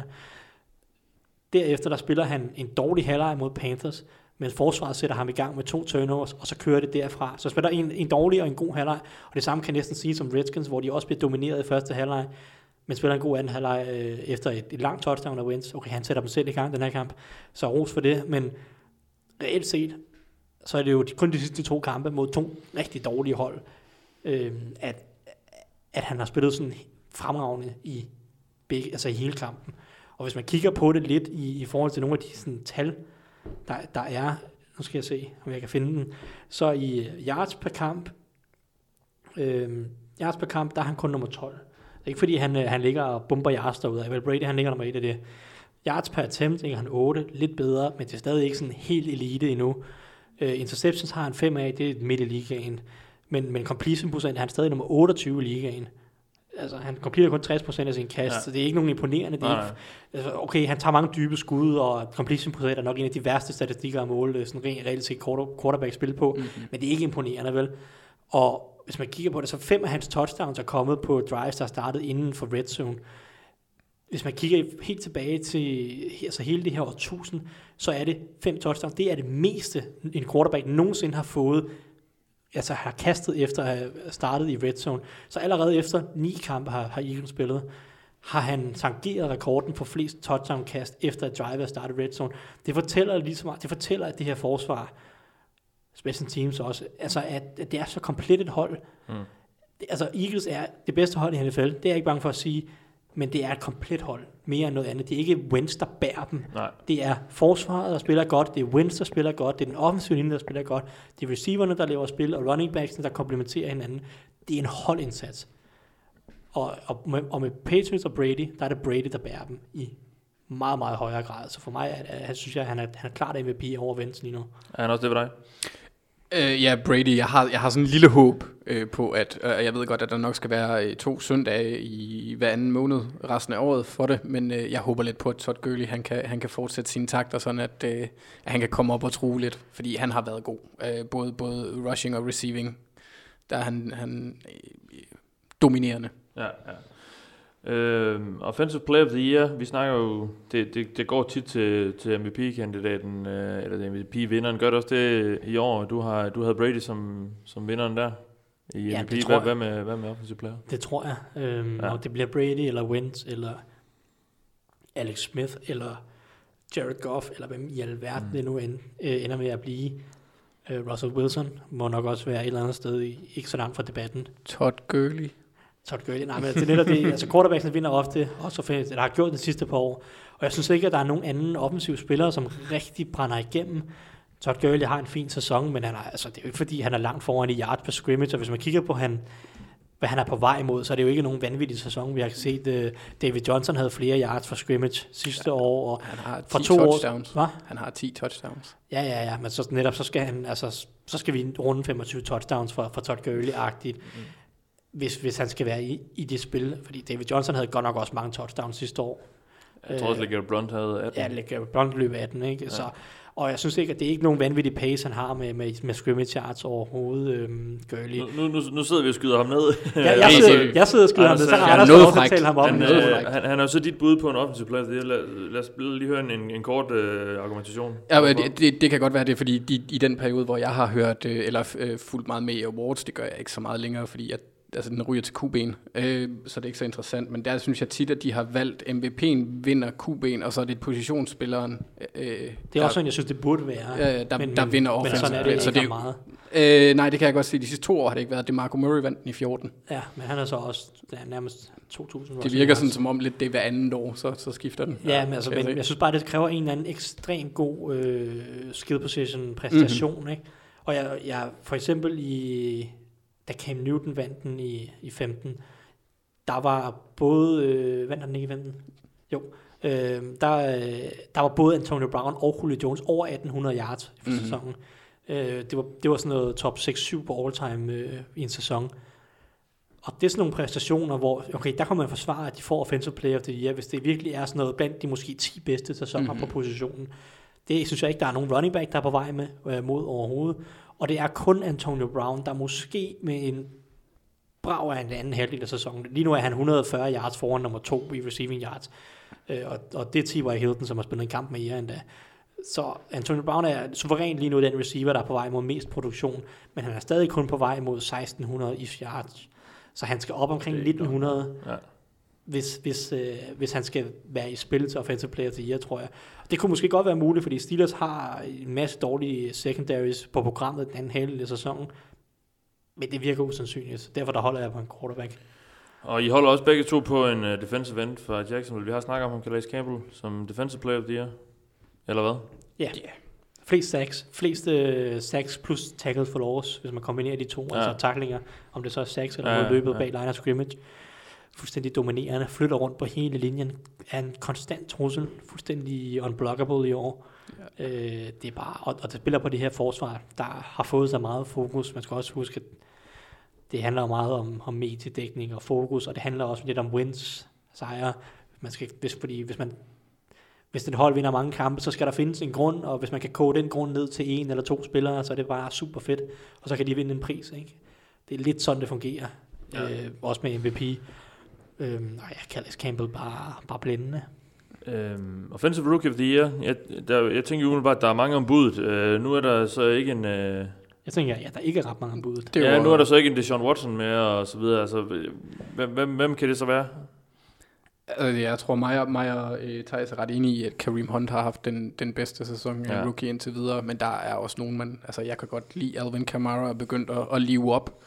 Running back i Saints, ja. ja, øh, på altså en, en, en dobbelt trussel med, med Ja. ja. kast og løb. Øh, Kæmpe kamp i, i søndags. Ja, det kan også godt være, det er derfor, han måske skinner lidt, hår, øh, lidt lysere i mit hoved lige nu, men øh, Kareem Hunt, bestemt. Ja, øhm, Kamara synes jeg, altså, han er stadig en 500 yards næsten efter, efter Kareem Hunt lige nu. Øh, så det kan godt være, at Kareem Hunt de sidste fire kampe, han har kun han løbet for under 200 yards de sidste fire kampe. Ja. Selvfølgelig meget af hans øh, produktion kom de første, første uger, hvor han var helt vanvittig god. Så, men, men stadigvæk, mindre han går helt i stå nu, hvilket nok er tvivlsomt, må ikke han kommer nogenlunde tilbage efter bye week, ender med en rigtig fin sæson, så tror jeg, så er det næsten kun Leonard Fournette, tror jeg, der kan, der kan rigtig vippe ham af pinden, hvis Fournette også brænder igennem i den anden halvdel af sæsonen, men nu skal Fournette jo lige have lov til at gå på banen på et eller andet tidspunkt. Mm. Nikolaj Thyssen skriver, eller spørger på, på Twitter, om, om det er sandsynligt, at uh, Deshaun Watson bliver offensive rookie of the year. Det, det er det vel ikke nu. Nej, det, det, det, Han er kommer til at miste for mange kampe. Jeg tror, han havde vundet den, hvis han ikke havde Ja. ja. været skadet, for han har simpelthen kastet så mange touchdowns. Ja. Ja. Rekorden for rookie touchdowns var jo 27, mener jeg, og det, han, han havde kastet 19 i syv kampe, Mm. eller otte kampe, så han havde fuldstændig smadret. Han, ja, han havde rekorden for, for hvor, altså hurtigst, ja. eller flest touchdowns på kortest tid af en rookie. Ja. Altså, så, Ja. Så, så han havde vundet den, tror jeg, også over Hunt. Det, defensive rookie of the year, skal vi bare øh, skrive Marshawn Latimer på den, og så, og så gå videre, eller hvad? Ja, det tror jeg. Der er et par enkelte andre, som hvis Latimer nu, nu gik ud og blev skadet i den næste kamp, så Mhm. vil, så vil Tredavious White være en mulighed i Buffalo har spillet godt, øh, og så ellers så tror jeg, vi skal kigge mod Miles Garrett, hvis han kan være skadesfri, og så måske TJ Watt. Altså fordi enten så kigger vi på, sacks er altid en, en god vej til at vinde den, og de to har fire sacks, TJ Watt og Miles Garrett, og det er de eneste to, som spiller nok snaps til. Hvis de nu gik ud og lavede 6 eller 7 sacks i den sidste halvdel af sæsonen, nåede 10, 10 plus, så vil de måske kunne, kunne være med om det. Jeg tror, det er de eneste to, der spiller nok snaps øh, af rookies til at, til at nå op på det niveau, fordi Carl Lawson fører rookies lige nu med 4,5 Ja. Bengals defensive end, ja. Bengals defensive end, øh, men han spiller ikke, han spiller Spiller ikke ikke, nok, nej. med 20-30 snaps per kamp. Ja, han er for meget Og i, sidste, i weekenden spillede han næsten ingenting Nej. øh, af en eller anden grund, selvom han har været rigtig god. Så jeg tror, Garrett og Watt er de eneste to, der spiller nok snaps til, hvis de brænder helt igennem, så kan de måske komme Ja. op på et niveau. Men ellers så øh, Lattimore, han er ved at stikke helt af med den. Ja, godt. Et par bud på Super Bowl favoritter, eller en, en eventuel Super Bowl øh, lineup. Hvad, hvad, hvad kan vi forvente os i, i februar, øh, Anders? Ja, altså nu, nu er, er jeg nok lidt afhængig af, at, at, at Ben Roethlisberger, han, han, han finder sig selv, men jeg synes bare, Steelers har, altså som sagt, de har ingrediensen til at bage en virkelig god kage. Øh, så jeg kunne godt se dem der i Og så kom det plus. smør smil på Thijs Øh, ja, men, men, men hvis, det er sådan, hvis, hvis de er heldige også i playoffs, at Chiefs og Patriots møder hinanden før Steelers møder Patriots, Ja. Så er der en større chance for, at de kommer igennem, fordi øh, Steelers har, har, har Chiefs nummer, og Chief har øh, Patriots nummer. Øh, så på den måde kunne jeg godt se, at deres vej den kunne være lidt nemmere. Nu ved jeg ikke, hvad sandsynligheden er for, at de undgår, eller at Chiefs og Patriots møder ind i hinanden. Det, Nej, der, det er jo det, det der skal på plads nu. nu, her, altså uh, ranking eller seedings og sådan noget. og, så, og så har jeg et godt øje til, til Seahawks, fordi jeg synes, altså hvis Dwayne Brown han formår at hæve niveauet på den offensive linje, så har Russell Wilson vist, at han er, han er en elite quarterback, han kan vinde kampe. Og deres forsvar er stadigvæk uhyggeligt, selvom de er ved at, at blive lidt ældre i det, men de er stadigvæk dygtige og gode til at tage bolden væk fra, fra angrebet. Så en omkamp af Super Bowl 40. Ja, Den første Super Bowl, Ja, jeg ja. så, øh, en, en, en, ja, ikke en imponerende kamp, øh, vil jeg så sige. Ben Jeg så, den, godt. jeg så den ikke. Jeg vil gerne have Nej, set du den, tror jeg. engang det var et Jeg- godt kast fulgte af Heinz øh, Ward. Ja, fantastisk kast, ja. Mm. Ja. Eller nej, af Randall L. Ja, Nå ja, Randall undskyld. Eller Til Heinz den Ward. til Heinz Ja. Ward, Lige præcis. Det var, jeg kan lige til en Super Det kan godt være, jeg ikke har set Super Bowl, men det spil har jeg set. Ja, ja, Ja, ja. selvfølgelig. Det, det, det er jo Det er del af opdragelsen. Og bussens sidste kamp, ja, det er sikkert nogle minder. Ja. Thijs, øh, hvem, øh, hvem får vi at se øh, den første søndag i februar? Jamen, det er gode bud, og jeg har også siddet og vægtet det her Steelers vs. Patriots, men der er ligesom tre ting, jeg kigger efter. Og det er et, jeg skal se, hvor, hvor, hvad Patriots øh, forsvar leverer over de næste, næste uger, øh, uden Dante Hightower. Nu har de spillet en kamp, efter han blev skadet. Det var mod Chargers, og det var sådan lidt op og ned. Jeg vil gerne se en, en større sample size på det her forsvar, fordi hvis det begynder langsomt at gå mod øh, niveauet i starten af sæsonen, så tror jeg ikke, de kan gå i Super Bowl. Øh, men hvis de langsomt får mere og mere styr på det, så tæller det for Patriots. Nummer to er, øh, hvad hedder det, Steelers forsvar. Jeg vil stadig gerne se dem lukke en, en god quarterback ned, fordi det har de nærmest ikke gjort i år. De har mødt hav af dårlige quarterbacks. Og den første rigtig gode, de møder, øh, det var Matthew Stafford, og han, øh, han smed 400 yards på bordet næsten øh, mod, mod Steelers, og han, han, han udstillede det her zoneforsvar igen, og det er det Brady, han kan. Så før jeg ser, at Steelers øh, forsvar kan, kan stoppe de her gode quarterbacks, der kan udnytte de her zoneopdækninger, så er jeg bare ikke sikker på, at de kan slå Patriots i sidste ende. Og den sidste terræn er selvfølgelig Big Ben, som skal spille bedre. Så jeg har stadig Patriots fra AFC, indtil, indtil Steelers slash Patriots øh, beviser, modbeviser mig.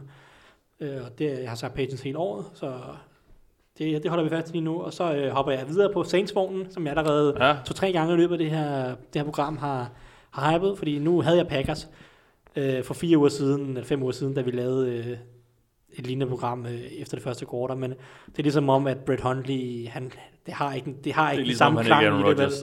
Så, så nu er jeg nødt til at skifte, og jeg sad også og overvejede Seahawks, og jeg sad og overvejede Eagles, men øh, nu går vi med, med Saints, og det er måske lidt ønsketænkning, fordi Drew Brees, han må gud hjælpe mig gerne vinde Super Bowl mere. Ja, det kunne også være smukt. Øhm, jamen, spændende opgør. Det, det ser ud til på papiret i hvert fald, at det kan blive nogle, nogle gode kampe, uanset hvad. Øhm, vi har fået nogle lytterspørgsmål. Vi har taget et, et par af dem undervejs. Øh, der er kommet mange, det er vi glade for. Øhm, vi kan starte ved, øh, ved, ved Bjarnum. Jeg, jeg er stadigvæk ikke helt sikker på, hvad han hedder. Er det Peter? P. Bjarnum er i hvert fald hans, hans handle. Øhm, øh, han spørger, øh, Cowboys har tre sejre på stribe, men et hårdt schedule. Når de, når de slutspillet, parentes nok via wildcard, parentes slut, og kan det lade sig gøre, hvis Sieg ryger? Jamen, Så, øh, så lad os starte. Når de slutspillet? Det er godt spørgsmål. Det, det, NFC, ja, ja nu, nu skal jeg tage en beslutning, eller nu skal jeg sige, om de er inde eller ude. Ja. Fordi NFC er godt nok åben og kan gå mange veje. Øhm, De kan vel godt spille sig til et, øh, til, til, til et wildcard. ja, det kan det Men godt. det hele, Øh, som også, øh, Bjarnum, han jeg påpeger siger, ja. det. Jeg siger ja. Jeg siger, de tager et wildcard på 10 og 6, 11 og 5. Også uden Sieg. Også uden Sieg. Jeg tror stadig godt, de kan fungere. Jeg tror sagtens, at uh, Dak han Rod Smith. kan... Rod Smith, Mm. som jeg, er en running back, jeg skal holde øje med, men ham og Alfred Morris nok mest. Men jeg tror godt, at, at Dak Prescott han kan bære dem til nok sejre. Det kommer nok rigtig meget til at være. Den her kamp mod Falcons på søndag, som, som Cowboys har, kommer til at være voldsomt afgørende for, hvor meget jeg tror på dem. Fordi jeg tror godt, de kan splitte mod Eagles. Jeg tror godt, de kan slå Chargers og Redskins igen, og Giants, som de har Oakland. Og, og hvis de gør, hvis de slår Falcons, så er de allerede oppe på de 10, 10 sejre, og så tror jeg, at de, de snupper et wildcard. Men, men altså, der er sagt, 10, 10 og 6 hold kan sagtens øh, ryge øh, ud af slutspillet i, i NFC i år, så men øh, jeg siger, jeg siger, de går i slutspillet. Jeg tror på dem. Jeg tror på Dak. Han kommer også lige med et tillægsspørgsmål. Er- Om der er nogen hold, der kan overraske og komme fra baghjul i forhold til slu- en slutspilsplads. Øh, Det vil jeg sige, at AFC er måske den mest oplagte mulighed. FC helt sikkert. det er lidt op for grabs der. Der er, det, 6. seed, måske også 5. seed, lidt afhængig af, hvor meget Bills falder sammen, er fuldstændig åbent. Øh, Altså, det Chargers med en record på 5 eller 3 og 5 kan jo stadigvæk Ja, det, det er et bud, ikke? Det, det er et solidt bud i hvert fald, fordi når man ser på det, øh, AFC East, Patriots, okay, de, de tager divisionen, men hvad så? Altså, jeg tror ikke på Dolphins, jeg tror ikke på Jets, så Bills, hvad med dem? 5 og 3, det er jo ikke noget fremragende hold, men de kan jo godt stadig kæmpe sig med i slutspillet. AFC North, Steelers, ja, men hvad med Ravens, Bengals og Browns? Jeg tror ikke rigtig på nogen af dem. Mm. AFC South, South Titans og Texans, uh, Jaguars. Ja, som sagt, så tror Ja, jeg... Raiders kan de ikke, øh, hvis de får gang i... Altså, jeg tror, at vi skal nok 4-5 kigge mod AFC øh, West, hvis vi skal have det andet wildcard, hvor den kommer ligesom bagfra. For jeg tror, at AFC South, South tager, en, tager et wildcard. Ja. Titans eller Jags tror jeg tager wildcard, den der ikke vinder divisionen. Mm-hmm. Og så er det nok Raiders, Chargers eller Bills, der skal tage det sidste wildcard. Og, og der kommer Chargers måske nok mest fra baghjul, men Texans, undskyld, Raiders vil også ja, komme fra en halvskidt situation. Ikke? Ja, og- og NFC er jo er meget tæt. Der er nogle rigtig gode hold, ja, men øh, AFC, der, er- ligesom jeg ser det i AFC, så er der op mod 10 hold, der kan gå slutspillet. ja, lige nu er der, er der 12 hold, der er 500 eller, eller bedre. Ja, og Øh, Cardinals er 500 eller be- eller bedre, og Cardinals kommer ikke i slutspillet, og Nej. det gør Packers heller ikke, Nej. Nej. tror jeg. Det gør Redskins nok heller ikke, på grund af deres svære program og deres mange, mange skader. Ja, men, men de ni andre hold kan alle sammen se gå i slutspillet. Ja, så der er altså udsigt til, at, at, at der er udsigt til, at Falcons ikke øh, Absolut. kommer i slutspillet. Altså, Øh, AFC er på den måde, at det, det er næsten trist, at vi skal finde seks slutspilshold blandt, hvad vi har vælge Ja. ja. mens, at, mens NFC, der kunne vi sende ni hold i slutspillet uden at skamme os. ja, lige nu ligger både øh, øh, Seahawks og, Falcons udenfor. Ja, Øh, og, det, og det er gode fodboldhold Ja, ja, stadigvæk. ja. Ja. Men jeg kunne også godt se, at Carolina Panthers, de faldt af på den. Jeg er sådan Det lidt overrasket, når, jeg, når jeg ser, at de er 3 og 6. Altså, det, det, 6 og tre. det, det, ja, undskyld, ja, 6 og 3. Det, det stunt Cam Newton, han lavede i, i sidste weekend, øh, kampen, hvor at han åbenlyst er utilfreds med, med trænerens øh, disposition ved, ved en fjerde kort, ikke? Øh, og så hans, øh, hans ageren generelt uden for banen har virket som om, han har fokus et forkert sted. Det virker Ja. som om, han, øh, han prøver at skabe brandet Cam Newton, i stedet for at vinde kampe. Ja, han har ellers mistet et, et, et par sponsorater med hans, Ja, ja, hans med hans- græske yoghurt og det hele, så Ja. Panthers er også et af de hold, der, nu snakker om det her med at vinde eller tabe mere end fire kampe, der er tætte. Øh, og Panthers er det de hold, der er på vej mod, hvis de fortsætter med at vinde mange af de her tætte kampe, som de har gjort. De har vundet lige nu tre, tre tætte kampe mere, end de har tabt allerede. Så hvis de fortsætter resten af sæsonen, så, så vil de være en af de her outliers.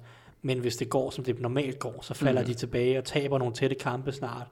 Øh, ligesom natural regression, ikke? Så ja, Yes. yes. Panthers kunne godt falde lidt sammen. tak for spørgsmålet, Bjarnum. Øhm, vi har fået et fra Dan Andersen. Den her, den er, den er primært til dig, øh, Anders. Øh, Brashad Perryman har kostet flere interceptions i år, har generelt skuffet voldsomt, men starter fortsat. Hvornår er det tid til at bænke ham for godt? Øh, ja, det, det, den er svær at svare på, fordi deres øh, receiving core er ikke...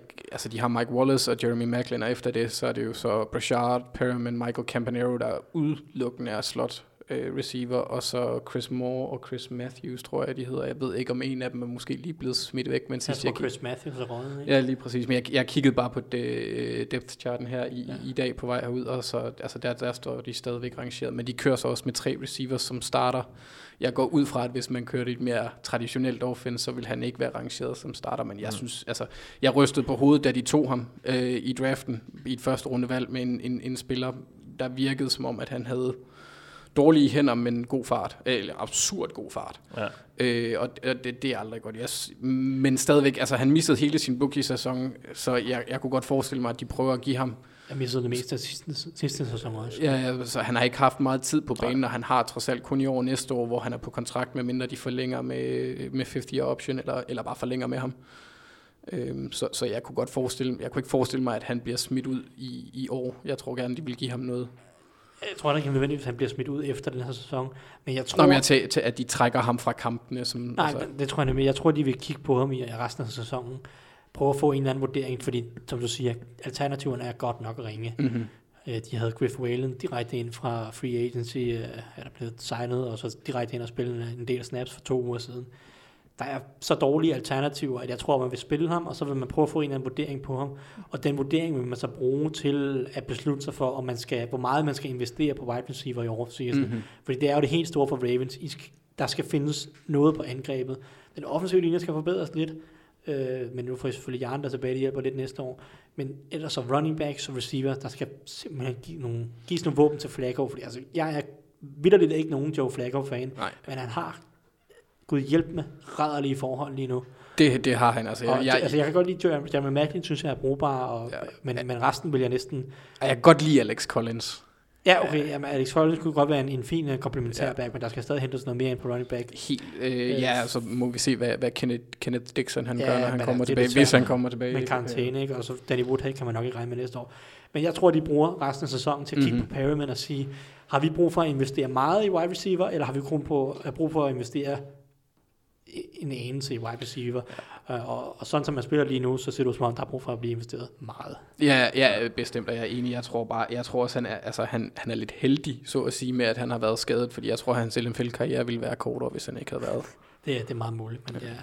Peter Cornelius spørger, øh, er det bare mig eller flere år, dårlige offensive linjer i år end tidligere år? Øh, det tror jeg, vi kan komme til et, et, et nogenlunde ja på, øh, men jeg vil så også, øh, som jeg har skrevet til Peter på, på Twitter, henvise til vores dog special, vi lavede i starten af, af året, hvor vi, hvor vi ligesom gik i dybden med det her fænomen, øh, som det jo nærmest er blevet til med de her dårlige offensive linjer, øh, som, som, som finder sted, eller som, som er flere steder i ligaen. Så, så gå ind og hør den, Peter, og til alle jer andre også, øh, selvfølgelig. Så hopper vi lidt videre og, og bruger tiden på noget andet her.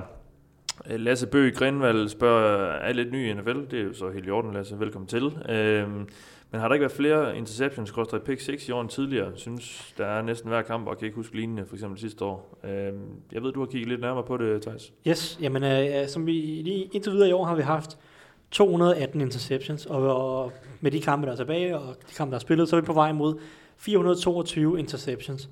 Hvis man kigger på 2016 og helt tilbage til 2012, så har vi i 16 havde vi 415, det vil sige, at vi er på vej mod syv flere i år, så det er sådan nogenlunde det, Det samme. samme.